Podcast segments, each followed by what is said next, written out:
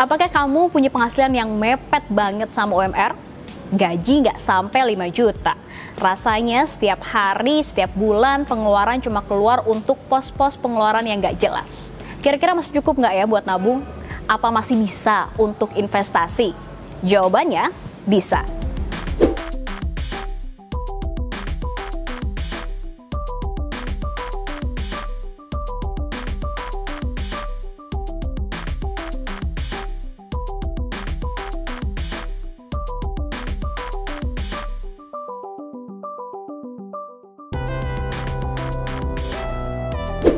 Yang pertama, kamu harus punya dua ATM untuk mengelola kebutuhan dan juga pengeluaran kamu.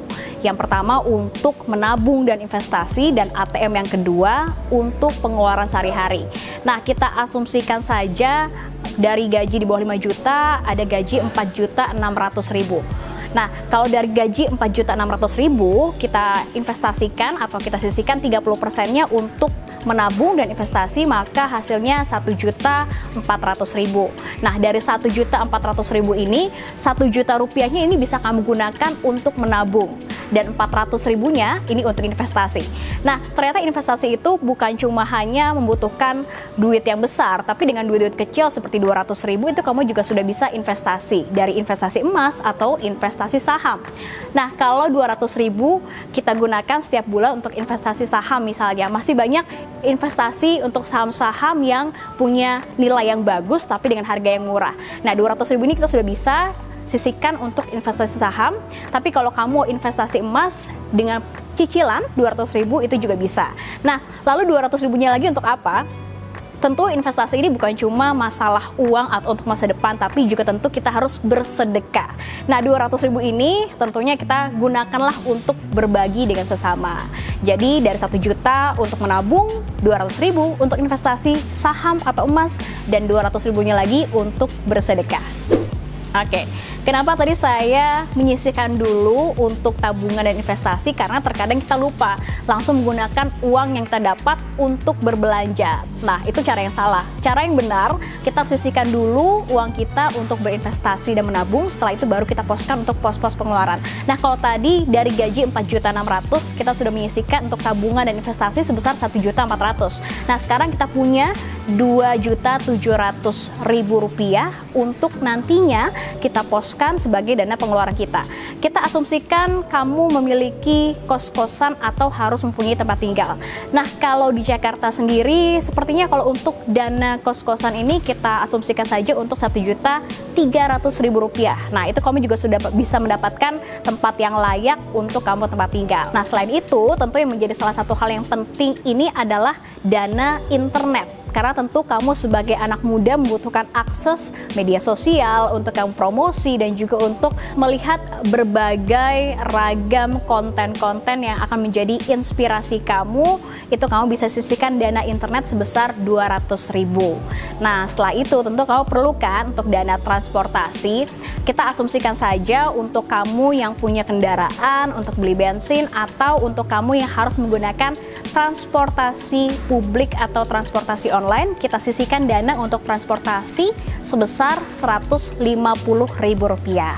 Nah, kemudian untuk dana makan, kita sisihkan saja Rp950.000. Kalau ditanya cukup nggak sih dana makan Rp950.000? Jawabannya cukup banget. Karena tentu kita harus mengatur keuangan kita agar kita juga bisa membagi pos-pos pengeluaran untuk makanan seperti bisa dihemat dengan masak, kemudian kamu bisa cari makanan-makanan yang murah tapi bersih, itu masih ada kok, masih bisa kamu cari. Nah, selain itu, kalau tadi kita sudah ada dana kos-kosan, ada internet, ada transportasi dan juga ada biaya makan. Tentu kamu perlu juga nih biaya bulanan untuk belanja bulanan seperti kamu beli sabun, beli odol, beli sabun cuci dan lain-lain, kita bisa pos-poskan untuk dana belanja bulanan sebesar 100 ribu rupiah. Jadi tadi itu udah cukup ya untuk mengcover seluruh pengeluaran harian dan juga bulanan kamu. Dan yang terakhir, kita tentu harus membahagiakan diri kita sendiri. Jadi kita masih punya dana untuk entertain untuk kamu nonton, nongkrong atau bahkan membeli hal-hal yang kamu sukai. Nah, kalau dari tadi saya asumsikan untuk yang 60%, 30% dan juga 10%, maka dana entertain yang saat ini kamu punya adalah 10% dari penghasilan kamu. Kita genapkan saja menjadi 500 ribu atau 400 ribu rupiah. Nah, dari 400 ribu rupiah, kalau misalkan kita uh, asumsikan untuk kamu nongkrong sama nonton, itu kamu bisa menggunakan dana 200 ribu rupiah per bulan. Karena kalau kita asumsikan dalam sebulan ini ada 4 minggu, maka dalam seminggu sekali ini kamu bisa menggunakannya untuk nonton atau untuk nongkrong. Artinya kamu juga bisa membahagiakan diri kamu dengan berjalan-jalan dan juga nongkrong bersama teman-teman. Nah, sisanya kalau kamu asumsikan dengan uang 200 ribu atau bahkan lebih masih ada sisa 300 ribu lagi, nah ini juga kamu bisa membeli baju, kemudian juga pakaian-pakaian yang kamu suka, atau kamu bisa membeli hal-hal lain yang memang kamu inginkan, bukan kamu butuhkan ya, kamu inginkan. Jadi dengan gaji hanya di bawah 5 juta, kamu juga bisa untuk membahagiakan diri kamu dan membeli apa yang kamu inginkan dan tidak hanya saja apa yang kamu butuhkan. Nah, itu tadi beberapa tips yang bisa saya bagi untuk kamu yang ingin mengelola kamu. Jadi kamu jangan khawatir nih kalau kamu cuma punya penghasilan 500 ribu, 1 juta, 3 juta, atau masih di bawah 5 juta rupiah, kamu tuh masih bisa kok buat investasi, buat menabung, buat mencukupi kebutuhan harian kamu, bahkan untuk bersenang-senang kamu masih bisa.